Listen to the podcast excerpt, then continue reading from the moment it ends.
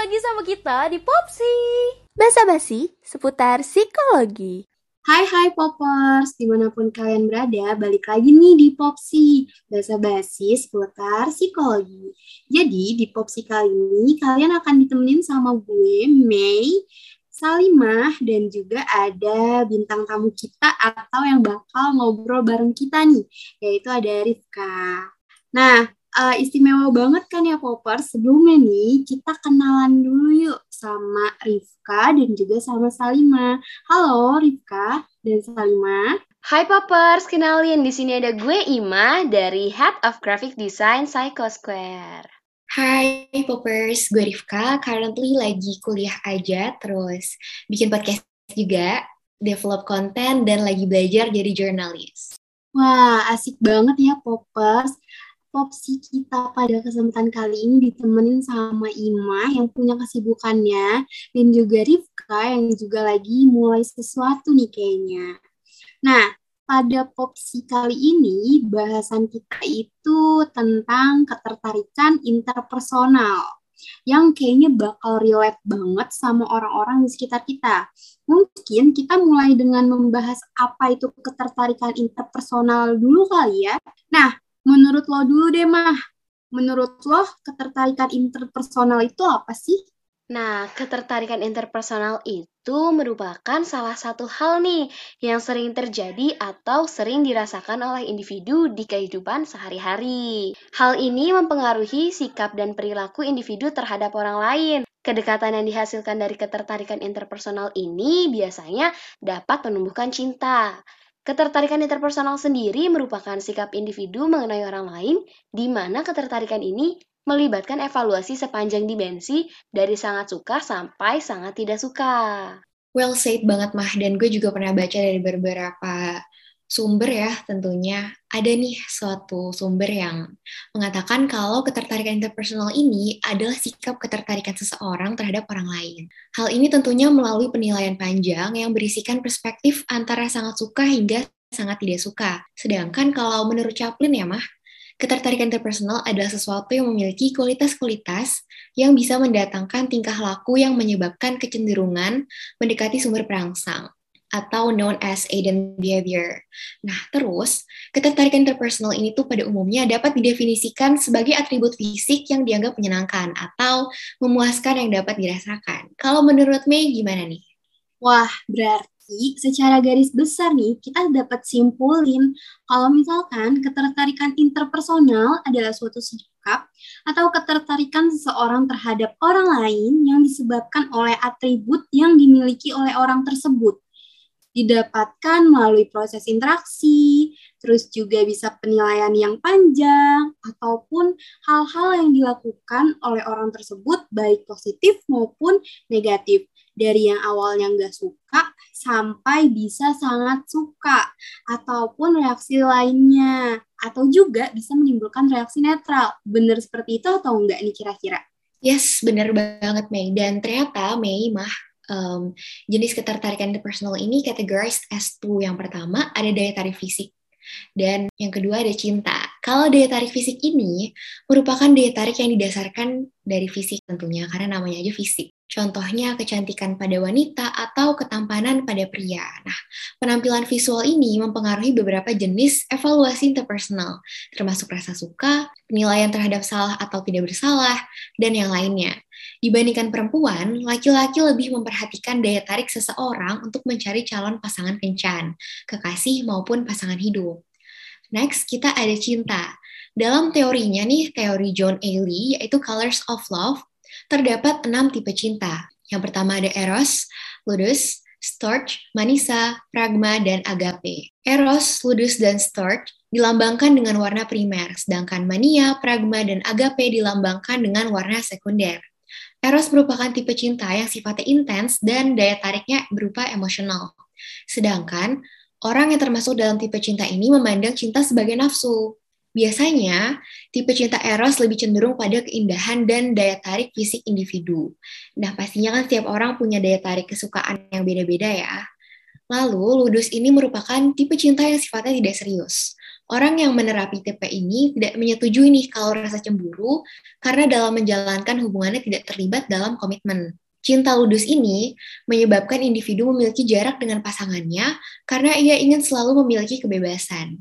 Individu yang termasuk dalam tipe cinta ludus ini melakukan perselingkuhan-perselingkuhan ringan atau kalau yang sekarang istilahnya famous itu known as micro-cheating. Oh gitu ya Rif, berarti ketertarikan interpersonal ini ada dua ya. Tapi ada juga loh teori yang ngebahas tentang sikap wanita gitu. Dalam teori psikoanalisis Freud, membahas masalah psikologi wanita. Jadi, ketika Freud menganalisis psikologi perempuan, menurut Freud itu karakter perempuan disebabkan oleh biologis dan Freud ini mengabaikan pengaruh budaya. Menurut Freud, wanita itu dilahirkan untuk menghadapi keadaan psikologi yang inferior dan pasif. Nah, tapi A itu nggak sependapat sama Freud. Ia percaya kalau perkembangan kepribadian wanita itu dipengaruhi oleh budaya, sehingga latar belakang budaya yang berbeda-beda menyebabkan kepribadian wanita yang berbeda pula. Terus, uh, kalau nggak salah tuh, wanita itu biasanya menggunakan perasaan, kalau laki-laki itu mengandalkan logika. Wah, jadi begitu ya penjelasannya dari Rika dan juga Ima. Menarik juga ya, pantas dalam hubungan kadang tuh ada yang suka berantem atau ribut-ribut kecil gitu. Popers, tahu nggak sih, keterkaitan interpersonal ini ada prosesnya juga loh, nggak langsung terjadi begitu aja. Nah, proses ketertarikan interpersonal ada beberapa hal nih poppers. Yang pertama, ada tahap perkenalan. Pada tahap ini ditandai adanya tindakan memulai. Biasanya dilakukan dengan hati-hati agar terbentuk persepsi dan kesan pertama yang baik. Nah, ini nih kenapa alasannya seseorang tuh selalu pengen tampil menarik, tampil cantik, tampil ganteng pada pertemuan pertama atau tahap perkenalan ini untuk membuat first impressions yang good. Nah, selanjutnya ada penjagaan. Penjagaan merupakan usaha mengenal diri orang lain yang di mana pada tahap ini kita digunakan untuk mencari perbedaan dan kesamaan. Maka dilakukan proses mengungkapkan diri, yaitu untuk mengidentifikasi status sosial antar individu satu sama lain, misalnya sosial, ekonomi, pendidikan, maupun agama, dan sebagainya. Disebut juga nih sebagai pertukaran penjajakan afeksi yang di mana pada tahap ini ada kesediaan untuk antar individu membolehkan kira-kira kita bisa kenal satu sama lain atau enggak, memahami satu sama lain atau enggak, atau cocok atau enggak nih kita sebagai teman atau hal lainnya. Selain itu, yang ketiga yaitu tahapan penggiatan, di mana ditandai pada keintiman awal berbagai informasi pribadi, mulai tukar pendapat, juga tukar pikiran, ataupun bisa lebih terbuka sekiranya kayaknya nih orang kalau diajak ngobrol tuh sefrekuensi deh atau nggak sefrekuensi sama kita. Disebut juga pertukaran afeksi, interaksi, melibatkan beberapa aspek pribadi dalam diri seseorang. Terjadi juga nih peningkatan komunikasi semisal kita merasa nyaman di dekat dia atau merasa kayaknya dia itu bisa nih diajak ngobrol hal-hal yang sesuai sama apa yang kita sukai di tahapan selanjutnya ada tahapan pengikatan, di mana dua orang mulai menganggap dirinya ini sebagai pasangan atau mendapatkan kecocokan sebagai sahabat atau teman atau kelompok lainnya. Lalu ada kebersamaan. Pada tahap ini kita mulai hubungan interpersonal atau kebersamaan tuh lebih akrab lagi. Bahwa kita tuh percaya saling menerima satu sama lain dan saling mengatur ataupun mengetahui sesama lain adalah hal yang baik dan juga bisa ada perasaan saling menerima, saling menghargai dan saling menghormati satu sama lain poppers. Gimana nih menurut Rifka sendiri? Nah, well said May. Makanya nih, sebenarnya setelah tahap kebersamaan juga bisa ya possibly seseorang itu berpisah dengan individu lain yang ada di suatu hubungan atau known as well as berpisah. Karena individu yang tadinya ada di dalam hubungan tersebut dan menjalani hubungan itu tidak lagi ada dan tidak lagi menjalani. Hal ini bisa saja terjadi karena beberapa faktor. Nah, berakhirnya hubungan antar individu ini juga merupakan salah satu bentuk reaksi orang dalam menghadapi kemunduran pada suatu hubungan. Faktor yang mendasari dan mendorong berakhirnya hubungan antar pribadi ini sangat beragam. Faktor yang pertama misalnya, tidak ada indikator akan pemenuhan value-value yang menunjukkan bahwa hubungan tersebut erat atau intim, seperti adanya rasa akan keterikatan antar sesama, kedekatan emosional, dan kebutuhan psikologis yang terpenuhi. Lalu, setiap interaksi dalam hubungan interpersonal ini kan tentunya memiliki proses ya, atau tahapan-tahapan serta karakteristik yang harus dipenuhi untuk mencapai keharmonisan dan keselarasan dalam hubungan interpersonal. Tetapi pastinya setiap hubungan memiliki proses dan karakteristik yang berbeda karena setiap individu saja kan udah beda-beda ya. Makanya kita nggak bisa sebenarnya untuk memukul rata suatu karakteristik untuk hubungan yang berbeda. Lalu kalau aku boleh mengutip nih dari buku yang berjudul Handbook of Theories of Social Psychology, mention nih bahwa berakhirnya hubungan antar individu tersebut juga disebut dengan breakup phase, unequal outcomes, atau unequal commitment yang known as well sebagai sebuah jawaban dari berakhirnya hubungan antar individu. Maka ketika terjadi unequal outcomes atau unequal commitment, di situlah peluang berakhirnya hubungan interpersonal terjadi. Tapi demi berjalannya sebuah hubungan antar individu, outcomes yang mana merupakan bentuk dari beragam aspek hubungan memainkan peran yang penting dan besar. Outcomes dapat digunakan untuk melihat bagaimana kepuasan masing-masing individu terhadap hubungan tersebut dan terhadap satu sama lain.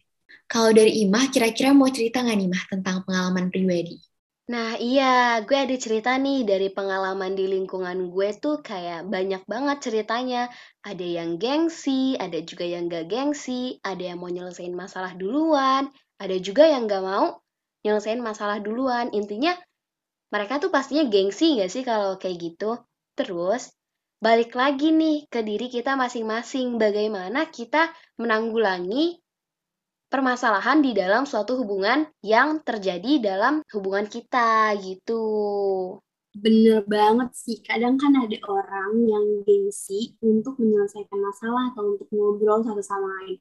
Atau bener juga tuh yang tadi dijelasin sama Rizka, terkait hal-hal yang ada di dalam interpersonal itu sendiri atau di hubungan itu sendiri.